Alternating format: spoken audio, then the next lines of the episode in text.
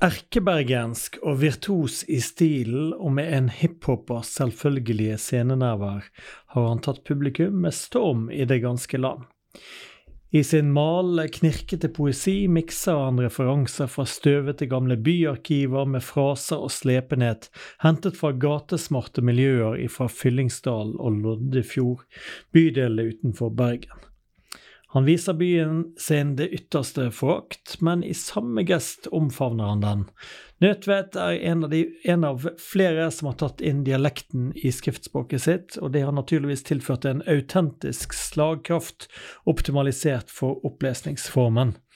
Hans seneste bok 'Vestlandet', hans debutroman, tar road-moviens form, der hovedpersonen sammen med sin venn Yngve, basert på poeten eh, som vi også har som gjest her i Poesidigg, ferdes rundt i det vestlandske eh, fjordlandskap og oppsøker ulike kjente obskure regionale kulturelle referanser. Nødtvedt er en joker i sitt spenn mellom det hypermoderne og det antikvarisk søkende. Vet vi hvor vi har han? Vi er ikke sikre. Ja, Erlend eh, Nødtvedt, velkommen til eh, Poesidigs eh, sommerintervjuserie. Og tusen hjertelig takk. Har du hatt en god koronatid så langt? Ja, den har vært ypperlig på mange måter, og vanskelig på andre måter. Vil du utdype? Nei, det er jo vanskelig å få gjort ting når man er hjemme med en treåring. Det blir ikke mye skriving av det, men det blir tid til mye annet. Og som sikkert flere som har vært innom her, har sagt, så er jo forfattere eksperter på en sånn situasjon. Vi har jo trent på den situasjonen i, i årevis. Vi skal jo bare være hjemme og skrive optimalt sett. Så sånn sett har det ikke vært et stort problem. Uh, Erlend, du, har, eh, du, debuterte i 2008 med 'Harudes'. Uh, du har etter det gitt ut fire diktsamlinger til, vel? Tre diktsamlinger til.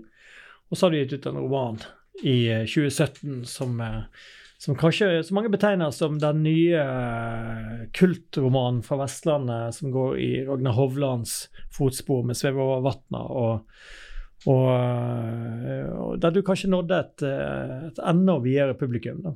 Det har gått, gått veldig bra. Du har, du har truffet en, et publikum med disse bøkene. Var det noe du forventet når du ga ut uh, Harudes den gangen? Altså at, at du skulle få bli møtt uh, på den måten du har blitt? Nei, det kan jeg egentlig ikke si. Og så skal det jo sies at det er jo for en liten menighet eh, jeg skriver, da, først og fremst fremdeles. Bortsett fra kanskje den romanen, da, som når det breier ut, sånn som romaner har en tendens til å gjøre. Og foreløpig betrakter jeg jo den romanen som et slags sidesprang i forfatterskapet mitt, for jeg føler jo at det er poet jeg er, både av temperament og gemytt. Mm. Eh, og så prøvde jeg jo òg å ta med det poetiske språket inn i romanformen, da. Så ja, man blir ikke kvitt poeten i seg selv om man skal skrive prosa. Mm. Det, det, med det poetiske språket er jo litt spesielt i ditt tilfelle. Det, det jeg vil si at det kjennetegnes ved at et eh, jeg som er et, et, tvilsomt jeg, eller et jeg som har mange masker, mange ulike måter å legge seg på. Du, du, du har et spenn mellom, mellom et helt moderne jeg, men, eh, men jeg får også av og til et gammelt språk, og eh, av og til et eldgammelt språk. Uh, uh, vil du si noe om, om, om, om, hvem det er som snakker i, i i dine diktbøker? Disse samlingene er jo språksamlinger i konkret bokstavelig forstand. Jeg bruker veldig mye sitatteknikk, og målet er jo å få eldre og nye språkformer til å klinge sammen. Det er jo så, så å si vært min poetiske metode, og da har jeg jo alltid sagt at, eh, at jeg er opptatt av at alle disse tidene eksisterer simultant at eldre tekster og eldre litteratur finnes i et nåtidig system. Så ja, jeg har alltid vært opptatt av å, ja, å dynge disse sammen da, og se hva som skjer når man setter eldre språkformer sammen med moderne. Og ja, få til en slags sånn polyfoni i, i, uttrykket på den måten. Mm. I Bergens eh, beskrivelse, som du ga ut i 2011, eh, så eh, lot du enda til historiske skikkelser blir med inn i, i nåtiden. Ludvig, jeg synes jeg minnes Ludvig Holberg sitter i en baksete på en taxi på vei innover til, til byen. Uh, dette med, med uh, Altså komposisjon, dette, dette, med det konkrete nivået som, nå, nå, har ikke det, nå er ikke det likt for alle bøkene dine, men, uh, men i denne Bergens beskrivelse, som kanskje var ditt gjennombrudd, da, den ble også kåret til, til en av tiårets viktigste bøker i, i, i, en kåring. Jeg husker ikke hvor det var, men, men men uh, den fikk en enorm resonans. Hvis vi kan snakke litt om den altså, der, der har du et nivå med, med som, som, nesten ligner en roman, vil jeg si. Altså et handlingsplan. Ja, jeg har jo hatt narrative strukturer i de fleste bøkene mine, men kanskje spesielt i, i Bergens beskrivelse. Eh, da, det er jo skrevet ut ifra en tanke om en slags alltidsbergen, da der ja, igjen disse tidsnivåene eksisterer side om side. Eh, en bygning fra 1100-tallet står ved siden av en bygning fra 2019. Eh, og det vil jeg prøve å vise i, i litteraturen, da. At alle disse tidene eksisterer simultant, og at også disse eldre språkformene er noen som, som finnes, og jeg kan forholde meg til som noe ja, samtidig, da. Så dette med fortidens samtidighet har jeg alltid vært veldig opptatt av. Eh, også i min seneste bok. Hvordan liksom, de historiske strukturene øver innflytelse på, på jeget i, i, dag. Da. Det har jeg vært opptatt av å undersøke, i tillegg til eh, det rent stedlige og topografiske. Hvordan liksom selve skueplassen for, for livet har en innvirkning. Hvordan den scenen som, ja, som settes rundt en, mm. eh, ja, gjør ting med, med jeget, da. Mm. Kan vi få høre eh, litt fra en av de tidlige diktsamlingene først? Vi skal høre deg lese et par ganger i løpet av disse tre kvarterene. Da tenker jeg kan begynne helt fra begynnelsen, fra åpningen på min debutbok 'Harudes'. Spring, la falle de fjell, la fjellet falle. La jage, la ravn, la jenten, la li. La jenten ned over fjellet jage, la stogge, la stogge i li. I fjor skal fjell falle, falle. Og hjorten, o hjort, knuser både panser og rute. Alexandra i kvite det huset som under berg skal falle.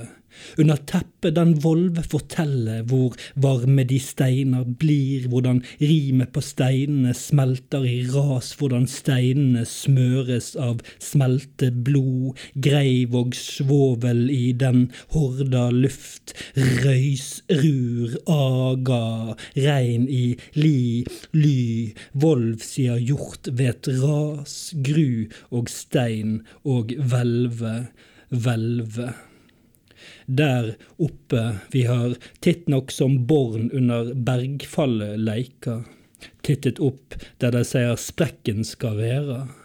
Og nedover korsryggen renner det faens regnet som regner, og det hender du vært liggende vaken og lya etter steinsprang. Ei natt og det regner og regner og regnet som renner, hross, renn, hross, renn. Og de hestene utenfor rennes, dyrene en siste gang. Ofres de dyr, og regnet renner langs ryggen din under ullplagg grove vevd, renner til baken din ned, det fuktige og lukten av våt ull, trekker kalde truse ned, regn på jeg, Hordalands tunge, rein. Ja, her hører du et eksempel på at jeg ja, siterer f.eks. Olav og Hauge eh, helt bokstav ordrett. da. Og det har jo også vært en, eh, en metode der eh, Olav Hauge og ja, kanskje spesielt Olaf Nygaard har vært noen slags gjennomgangsfigurer i, mm. i poesien min. da. Så jeg er veldig opptatt av å, ja, å skrive i forlengelsen av de verken av verker som jeg velger meg sjøl. For i, i, kunsten så kan man jo velge sin familie, i, i motsetning til i, i det virkelige livet. Mm. Så den, denne her, jeg kaller det for en sånn tradisjonsbevissthet til å skrive med og videre på allerede foreliggende verk, og, og oppløse de og leke med de, skrive mot de, skrive med de. Det har vært viktig for meg i, i mitt virke. Mm. Den, når vi hører den, den, kraften du kommer med der i, i debutsamlingen din, så er det det er klart det, det vekker oppsikt. Og, og, og, det er ingen forsiktighet du kommer inn i litteraturen med. Mm. Eh, du, du, var jo også et du, Hvor tid gikk du på Skrivekunstakademiet? Det var, det var noen år før? Eh, ja, det tror jeg var i 2006, kanskje. Eller 2007. Jeg vet ikke, jeg aner ikke. Hvis debutboken kom ut i 2011 La oss si Jeg tror det var faktisk det året jeg gikk ut fra Skrivekunstakademiet. da. Men du hadde jo på en måte vært en gjenganger i miljøet. Du hadde vært, eh, du hadde vært eh, Du var ofte å se på opplesninger. Du var, du var, eh, du var en del av, av, det litterære feltet, vil jeg si, i Bergen, lenge før debuten din. Hvordan, hvordan var, den, var den der Hvordan var det, var, det, var, det, var det, å debutere på, på en sånn måte? Det Nei, men som du sier, så følte jeg meg en del av litterære miljøet i årvis før dette også. Allerede som 16-17-åring så fikk jeg jo gleden av å føle meg som en del av ja, en ganske kraftig bevegelse. Så det var jo gullalderen i Bergen, eh, dette her. Og jeg har følt meg veldig tidlig ja, inkludert og inspirert av det miljøet som var i Bergen, og ble, ble tidlig lest av kollegaer, eh, ringrever, som tok sin tid til å gidde å lese en ung jypling. Så det var jo selvfølgelig enormt viktig, det, det fundamentet som allerede lå her i, i, miljøet, da, som jeg kunne komme ut fra. Men din base det lå på, på, på høyden på universitetet. og og det er jo ingen tvil her om at du må ha studert. Altså Din, din hovedfagsoppgave, eh, det var om Eller master, som det heter nå. Eh, da skrev jeg om, om Kristoffer Uppdal. Da. Så jeg har lenge vært interessert i spesielt den som nynorske, vitalistiske tradisjonen. da, Med ja, Nygard og Uppdal og, og Hauge som, som, viktige navn. Det er liksom mm. folk som, som jeg alltid har ja, prøvd å skrive i forlengelse med. Nettopp fordi at jeg kjenner meg i, liksom, i slekt med, med deres prosjekter da, og deres anskuelser. Ja. Ja, det er jo det er noe av det, det, det, er litt underlige med ditt forfatterskap, vil jeg si. Det at det, at det ligger og grenser veldig mot det folkelige på en måte, men så ligger det også grenser mot det avantgardistiske på, på, samme tid, på en måte. Det, det er veldig hvis, du, hvis, min mor eh, åpner din, eh, din, bok, så vil hun eh, Det er mye hun, hun vil bli overrasket over. Ordene står hit, hit og dit. og det, det, er på en måte en, en, en, Du gjør de valgene som må gjøres underveis, uavhengig av, boksiden eller Men samtidig så er det en enorm folkelighet i dette prosjektet, vil jeg si. Ja, det tror jeg kanskje har med, med noen av motivene jeg tar opp. Det er liksom noe, noe nært og, og hjemlig ved det, at jeg går inn i, ja, i det vestnorske landskapet, i, i Bergen, i ja, sånn norsk eh, folketro og folkesagn. Og liksom stoff som er, er kjent for, for, mange, da, og, og bygger videre på, på, sånne ting. Og I min siste bok, 'Slekter', så er det jo ja, denne sånn nesten morbide fascinasjonen for fortiden og for, for slekten, som jeg tenker er noe ja, nokså allmennmenneskelig, da, selv om det som oftest kommer til uttrykk når folk begynner å bli pensjonister. ja, vi skal komme tilbake til denne slekta. Det, det, du har helt rett, det er pensjonister som skal drive med slektsforskning, ikke unge poeter. Men, eh, men, eh, men, eh, men hvis vi ser på, på bok, de bøkene du har gitt ut, så er jo det utelukkende Vestlandet, rett og slett. Fra begynnelse til slutt. Du begynner med Harude, som er da vel gamle navnet for altså det som fører til Hordaland til slutt. Og så, så, sirkler du inn rundt Bergen. Trollsvitten, som også definitivt befinner seg i, i Bergen, og, og, forteller derfor og, og tar inn eh, denne folketroen. Og så, så, drar du litt rundt på Vestlandet, og så finner du din egen slekt. Men det som skjer i slekter på slutten, det er jo det at vi finner ut at, at du hører jo til eh, verden. Altså det er jo en det er jo, Plutselig går Ellen Nødtvedt ut ut av Vestlandet, og så sier han at han, han, han hører hjemme i Russland. Han hører hjemme i, i Afrika. Ja, jeg tenkte jo at det var en slags naturlig konsekvens av å ja, hele tiden gå, gå tilbake og gå, gå, utover. da, At det begynner ganske, med et ganske lite område med, med Hordaland og Bergen og, og Vestlandet. Og så Hvis man liksom tar denne tilbakeskuende ja, Det blir feil ord, da. Denne tilbakeskuende oppdagelsesferden langt nok, så kommer man jo ut av det vestnorske. Da kommer man jo ut i verden, så å si. da. Så ja, for meg var det et ganske forfriskende steg å, å komme ut av de nære eh, omgivelsene mine. Og, og, litt lenger ut i, i verden, til, ja, til skyterne, til, til, Russland, til ja, endog Afrika. Mm. Med menneskehetens vugge. Så det er jo et stykke derfra til fra Afrika til Hordaland. Ja. Nei, alle bøkene dine opphever på, på mange måter tiden, men, men, i slekta så er det klart, så, er det, så forholder du deg et, mye mer til, til, en historikk, på en måte. Altså du, du, du viser til at på 1700-tallet var det, 1600-tallet det. Det er ikke noe sånn at alle tider eksisterer samtidig nødvendigvis her, bortsett fra kanskje i åpningsscenen når, når du sitter med, med, din sønn i bilen på vei til et byggefelt oppe med Smørås eh, i Bergen. Nødtveitlia, tror jeg det, tror det heter. Eh, det er der boken begynner. Eh, uh. Ja, det begynner jo med at i Bergens Tidende så var det enormt sånn reklametrykk på et nytt boligfelt som skal, skal bygges på Nødtveit, som er det stedet i Fana der navnet mitt kommer fra. Jeg har jo ingen tilknytning dit. Det var liksom en ja, tippoldefar som forlot Nødtveit og, og dro til Bergen. Så for meg er det liksom på et helt sånn abstrakt begrep. Men så så jeg at eh, ja, nå skal det bygges nye, nye boliger på, på ettergården. Og så syns jeg det var litt ja, fascinerende utgangspunkt. da. For jeg har jo alltid vært opptatt av dette. Ja, hvordan virker de, de, døde og de forsvunne i, i meg? Liksom hvilken strukturer jeg satt inn i som jeg ikke kan komme meg ut av. da. Hva betyr det at min bestefar mistet foreldrene sine i spanskesyken? Hva betyr, hva betyr sånne ting for meg i dag, da? Hvilke mm. krefter er det som, som, virker og som ligger der, så jeg på en eller annen måte må forholde meg til? Det var det jeg prøvde å undersøke i den. Ja. Du, men du fant ingen leilighet der oppe? Det var, det var ja, Altfor dyre leiligheter for meg. Det er sånn skikkelig stygge funkisboliger, selvfølgelig. Jeg kan som en fun fact fortelle at jeg, alle mine nyttårsaftener før jeg ble tolv år, de feiret jeg der oppe hos min eh, onkel og tante. Ja, riktig. Så det fin, fin utsikt til fyrverkeri eh, fra høyden der.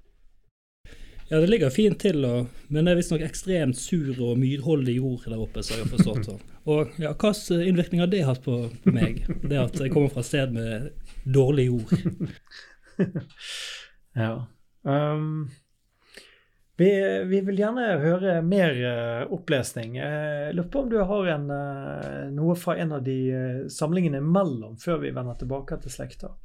Ja, da tenkte jeg kunne lese litt fra, fra Trollsvitten, som kom ut i 2014.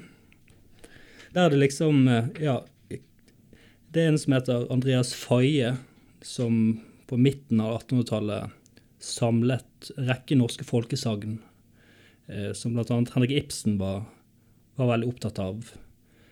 Eh, og det er liksom i det I den verden dette landskapet befinner seg i, da, det er tusser og troll og huldre. Hør, en kråke dreper meg fra granen. Hør nebbets kirkebåt, hør den hviteste offerhest i luften utenfor berget, Hør svevets vrinsk en urknokkel, hør trollets kjevebein i det bål sprekke. En annen ulv tar månen. Trollnatten putter varsomt den jungianske spene i min munn, Gjennom Øvregaten leier jeg trollku. Midt i gaten der står det en grind. Midt i natten der står det en grind. Å nei, å nei, så lei en grind. Ai, ai meg, og der skal jeg inn. Jeg følger et myret trollsig mot nord. Ja, jeg følger et myret trollsig mot nord. Der alle kråker, ja, alle kråker blør blod, blør blod, blør nebbe blod. Men om jeg aldri kan vinne dit, jeg kjenner dog lokkesangen, som alltid henter meg til tussmørket, til grenseområder som nå i brattskogen mellom fløysvingene jeg støter mot faktiske vedband i skallen, salmenynner, korser meg når joggere passerer trollgreinsfingre, grafser, jeg søker desperat friske skudd i sjelekrattet, en vår uten trollenes komme, en dobbel forstands soloppgang en salme, en hvit slott. Jeg prøver febrilsk å rikke, jeg prøver febrilsk å flytte, gjerne velte grensesteinene i hodet, merkesteinene i hodet, flerre tussmørke, langt, langt der inne, langt, langt der inne, langt der inne i trollskogen vilde ved Lungegårdsvannets bredd på alle fire står grønnkledda møy og tunge øser bunnløst tjern. Sullida, sånn må da Frøya ha sett ut. Jeg listebredder, jeg løfter stakken stille, jeg hever halen, jeg rekker tungen, leppjar brevan, lar gevirsediment pile munnhulen, jeg sutter rått hjortehjerte for trollmultesaft over munn og nese, sleiker urskogsblå bær og den sure smaken av myr.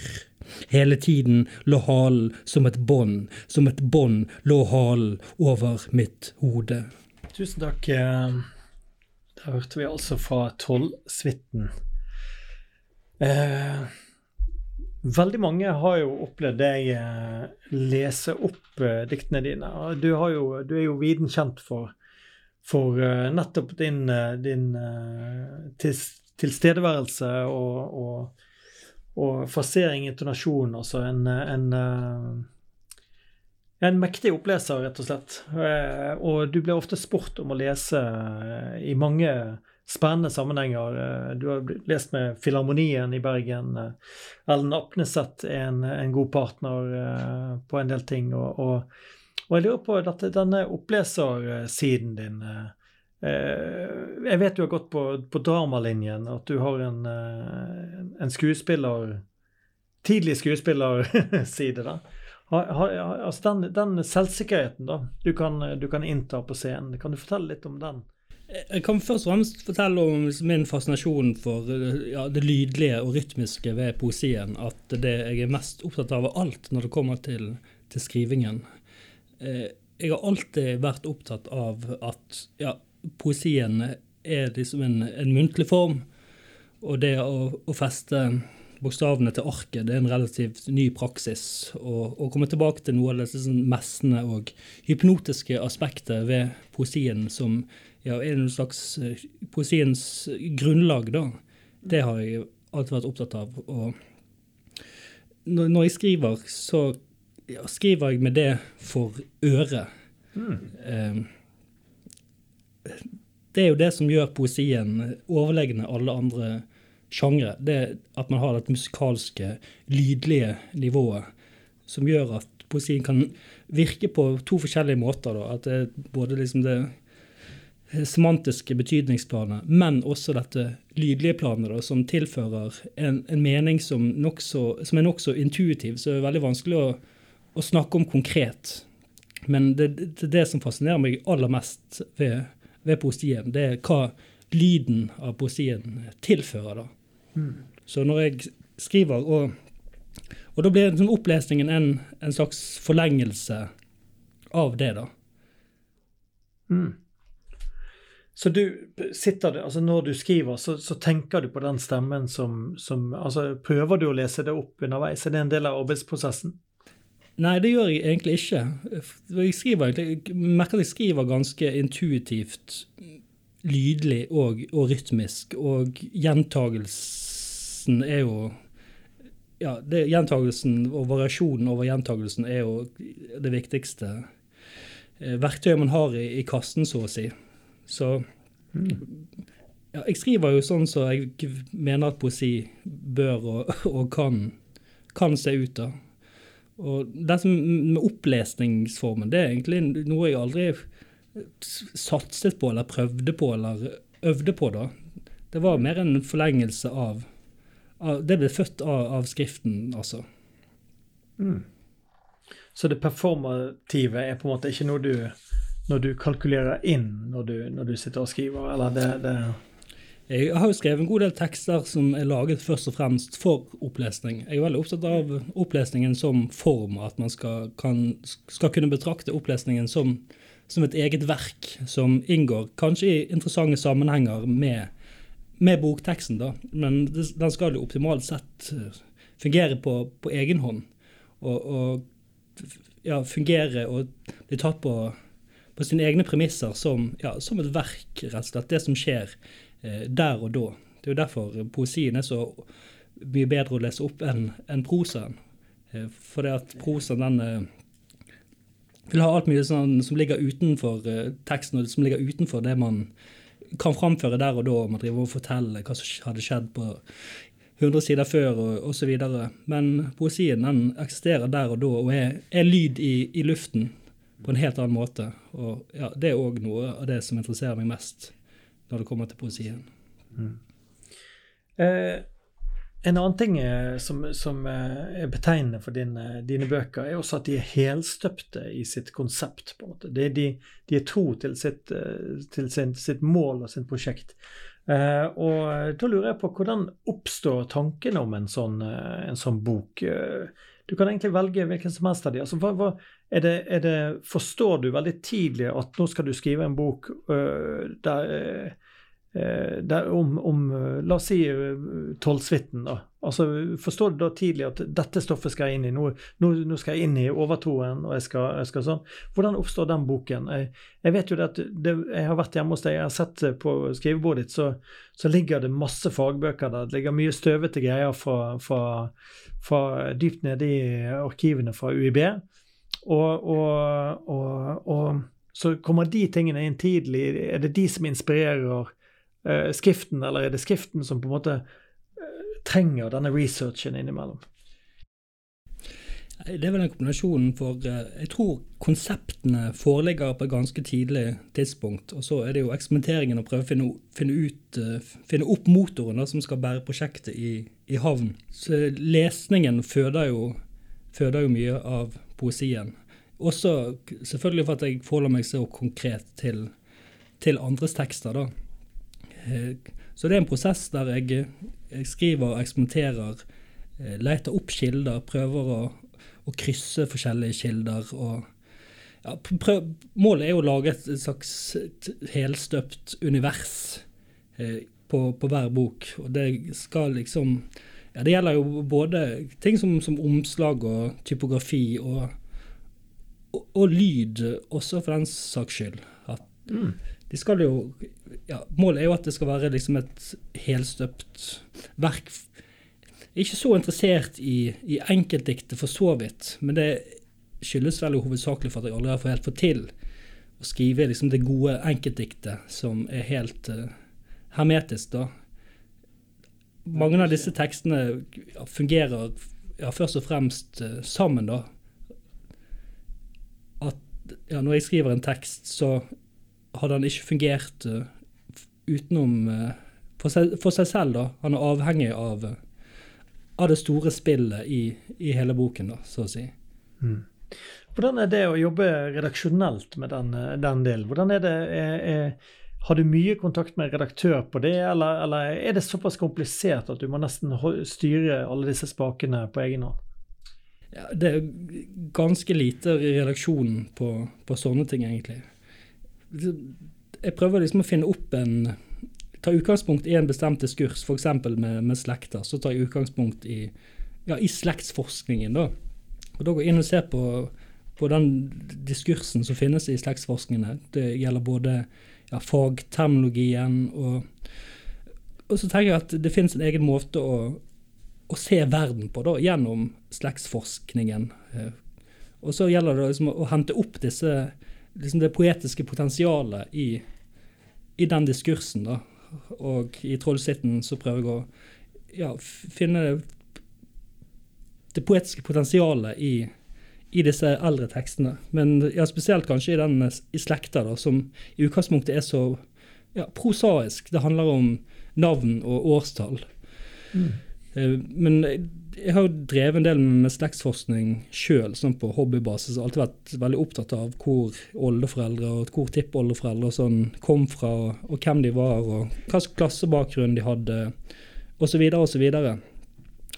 Men så når jeg og da jobbet jeg med det ganske tidlig med et sånn poetisk siktemål. For jeg så at det var et enormt stort eh, potensial i, i det stoffet. da. At det var noe utrolig fortettet med bare et, et navn og et årstall, og, som da skal romme et, et, helt liv, ikke sant. Det var, noe, det var disse tingene som fascinerte meg veldig. Jeg har f.eks. En, en liten parti som, er, som heter Åtte selvbiografier, der jeg har mm. altså, funnet noen av mine forfedre og mødre sine fra, fra, bygdebøker, rett og slett. Det står f.eks. om Fredrik Lindland, som født ukjent og død 1637. Jeg var gift med ei datter til herr Peder Klausum Friis og tilhørte det øverste laget i bondesamfunnet. En tid var jeg også toller i Mandal. Det er liksom alt som, som finnes etter etter det hele livet. da. Vi må jo gå ut ifra at det var en ekte, faktisk person som, som pustet og Men du har tilført en jeg-form? Og så har jeg bare ja, tatt det som, eh, til en jeg-form, da. Så liksom, da får de en, en, språk og en stemme som de ikke har hatt før. Mm. Så disse, disse, små fragmentene som finnes igjen av et liv, og hvordan folk sakte, men sikkert glemmes. At hopper du en generasjon fram, så er det ingen som husker den anekdoten. og ja, det er jo en sånn Det er jo et åpenbart et sånn forgjengelighetsmotiv inni her. Hvordan bitte små fragmenter av hele liv overlever, da. Og jeg syns det er noe så utrolig fortettet ved det fragmentariske som finnes i det stoffet. Kanskje det er derfor vi skriver, tenker jeg. At vi, vi vil stå igjen. Eller det skal stå noe igjen etter oss, eller mm. Nei, det, du har jo et, eh, et, eh, et dikt som, som, regner opp uh, ganske mye sånn tipp, tipp, tipp, tipp, tipp, tipp, oldefar osv. Og, så og bare i et sånt tipp er det da et liv. Ikke sant? det er ganske rystende. Ja, det var noe sånt jeg prøvde, prøvde å få til. da, At man skulle få et sånn enormt uh, sug av tid, rett og slett. da, At man skulle kjenne, kjenne suset fra forgjengeligheten og uh, de millionene av folkene som ja, utgjør deg, da. Ja. ja. det var vel et eller annet sted i, i boken står det vel også at uh, eh, 3000 år tilbake så har absolutt alle som lever i dag, altså alle åtte milliarder, eller sånn samme, samme stamfar, at det er noen som har sittet og regnet det ut. da. Ja, og det er jo en sånn, sånn ganske humanistisk innsikt, tenker jeg, da, at vi absolutt alle er i slekt. Og man skal mm. ikke mer tilbake enn 3200 år tilbake før ja, alle som finnes mm. på jordkloden i dag, er Så vi er jo liksom Hvem er det som lever 1000 Er det noen kjente personer 1000 år før? Ja, det, det er jeg litt usikker på, da. Men jeg, jeg har jo en del eh, virkelig eldre folk, da. Det, det fins jo en sånn tradisjon for uh, litt sånn spekulativ genealogi der ja, Snorre han skal f.eks. få de norrøne gudene skal, de skal helt tilbake til, til Adam og Eva, og, ja, ja. og, ting skal mm. tilbake til, til Odyssevs. Så, så, folk har liksom laget sånne Ja, Snorre har jo f.eks. laget at Odin stammer fra, fra Adam, ikke sant? Ja. Mm. Så liksom dette enorme, enorme tidsspennet var, var fascinerende å jobbe med, egentlig de jobbet jo gjerne opp eh, alderen litt på folk, da, for å forkorte litt. De var gjerne 1000 år. Eh, ja, ikke sant. Så slapp de litt uh, skrivearbeid. Um, nei, men vi, vi, vi begynner å, å, se. Altså, jeg har lyst til å bare på slutten så, så har jeg lyst til å spørre litt hva du holder på med nå. Altså, jeg, jeg, vil jo si det at sånn som jeg leser forfatterskapet ditt, så, så er det et eller annet som sirkles inn, og det er vanskelig å se hvordan du skal gå videre etter slekta. på en måte. Det, det, det, det er noe som er ja, Du har overrasket meg før, så, så, jeg skal ikke si at noe er uttømt i dette stoffet. Men, men, men jeg er veldig spent på om du kan avsløre noe av, av det du sitter med nå. Oh, det vil jeg nødig si for mye om, rett og slett, for at jeg er så på tidlig stadium. Men jeg prøver meg fram nå i, i, ganske mye forskjellige retninger og vet ikke helt hva slags hest jeg skal satse på for fullt. Og jeg driver òg, må jeg innrømme, og flørter med, med prosaen igjen. Men jeg, jeg vil nok alltid vende tilbake til poesien og ha mitt, min, mitt hovedkvarter der. Mm. Men du har jo eh, sagt tidligere i samtalen at, at, det går an å bruke nettopp poesien, eller den poesi, poetiske motoren, også i prosa. Så, så, det er vel en mulighet der. En ting som jeg bare må spørre deg om, eh, det er hvordan du får eh, Aschehoug med på disse kostbare omslagene. rett og slett. Det er jo Øystein Widnes som, som lager, lager, de, og de er jo helt praktfulle. og de er, det, Hva det heter Bladgull, eller det, det gullforgylte ornamenter. Ja, nå skal det sies Øystein Vides han har bare laget det, det siste, da. Så jeg har jobbet med en, en ja. rekke designere, men der er jeg bare beinhard og sier at dette her må være skikkelig. Og jeg har ganske klare, klar forestilling på forhånd om hvordan jeg vil at dette skal se ut. Og da er jeg villig til å, til å gå mange runder til det, til det sitter sånn som jeg vil det skal sitte. da. Og da, ja, da snakker vi 20 runder opp ofte. eh, men mm. Eh, så, ja. så, det er greit hvis man, det er noe, hvis man begynner å, å få litt, litt sånn forseggjort utstyr på bøkene, så må, føler forlaget at da må de nesten la deg fortsette på den galeien. da. Så det er jo takknemlig for Aschehoug at de har giddet å, å ta det, den delen av poesien min på alvor også. Mm. Eh, en, annen, en, annen, ting med coverne dine er at du, du veldig ofte ender opp med et uh, portrett på baksiden. Uh, som på en eller annen måte skal speile uh, Altså det, det, vi, Nå ser jo ikke lytterne disse tingene, men du er, du er i skogen med en fele foran et tre. Du er, du er avbildet som en, noe som ser ut som en noen fra sent 1800-tall med lorgnett og, og, i en litt sånn Hva det heter Darieskopi? Noe, noe sånt. Altså et gammelt fotografi. Eh, denne, denne iscenesettelsen av forfatter eh, Ikke forfatter jeg, men iscenesettelsen av forfatterpersoneren bak disse bøkene. Eh, hva, hva, hva syns du det tilfører, i og med at du i utgangspunktet er veldig opptatt av nettopp uttrykket? Nei, si det, det, det skal jo liksom peke ut en, en, slags Det skal jo fortelle noe om dikterjeget i, i disse bøkene. Jeg, jeg tror egentlig det der begynte med når jeg var skikkelig ung og, og så Richard Brautigan, så hadde alltid et omslag av seg sjøl omgitt av uh, pene damer. og sånn da. Så Det er kanskje litt i, i den tradisjonen også. Men eh, mm. det skal jo prøve å si noe om, om, om dikterjeget, og det skal prøve å si noe om ja, iscenesettelsene og ja, hvordan man skaper et poetisk univers. da. Mm. Og det er Oddleiv Apneseth som oftest som Ja, han har tatt alle. Ja. ja, det er virkelig, virkelig fint. Men eh, da syns jeg vi skal eh, avslutte denne samtalen med å høre litt fra, fra slekta. En helt eh, nydelig bok. Et dempet skrall fra de forsvunne følger meg i all min tid. Den agnatiske og kognatiske ascendens, sverd og spinnesidens henfaring, probantens rotpreludium, forflammens etterlevninger i blodet, selene som forbinder min levende substans med mine forgjengere. Barnet ble båret frem av barnet, barnet skal bære barnet frem, jeg har båret barnet frem. Genetisk drift, Heliksens doble spiraler, kaskader bakover, slyngninger nedover, i mors eggstokk ble jeg til, en stokk som ble til i mormors mage, som ble til i oldemors liv. Jeg fantes der, jeg ble båret frem i ascendentenes langsomme vandringer fra det østlige Anatolia til den pontisk-kaspiske slett frem og tilbake over Bosporos. Jeg fantes der i den doble DNA-heliksens vandring fra Hålandsdalen til Fana. Jeg fant og jeg fant og jeg mistet igjen. Daglig holder jeg hopehav med de døde. 786 navn utvunnet fra kildene, sirlig opphentet fra glemselen, rehabilitert og inntastet i Genealogical Research and Analysis Management Programming System.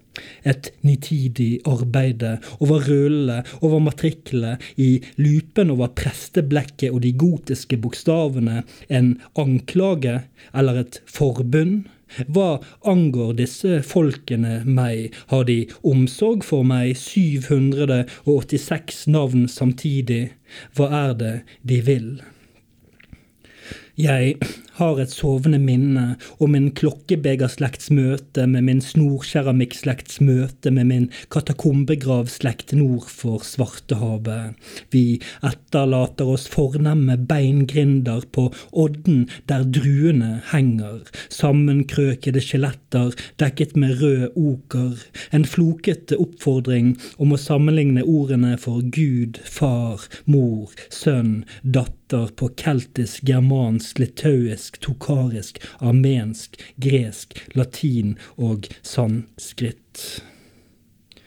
Filiasjonsbeviset la seg ikke brenne. Jeg hersker ikke alene i interregnumet, i bindestrekslivet mellom mine skjebnedatoer. Konstant forvirrer opphavet, tåker og stokker om blodet. Jeg er bare ledd, jeg skal bli rot. Jeg har vært med fra begynnelsen, jeg blir med inn i slutten. Ekspansjonsepoken, ødeleggelsesepoken, kulturens avtrykk i genomet. Forflammens videreførsel, det ufødte ventende. Vårhagen ligger grønn og frisk, og jorden er allerede for tung av døde slekter. Den rastløse bekymringen for ettermælets varighet, en utdatert forfengelighet, en anakronistisk dårskap. Jeg har gått foran og blitt ascendent. Nu i Herren hensovne, med ferdig utfylt parentes, la meg likevel henge alvorlig på veggen i tre generasjoner, på baksiden av fotografiet mitt uleseligere navn tipp-tippoldebarnet til min to år gamle sønn til minne. Snart rydder de ut etter henne, snart skriver jeg det foranskutte minnedikt, om bare et øyeblikk opptas du blant oss.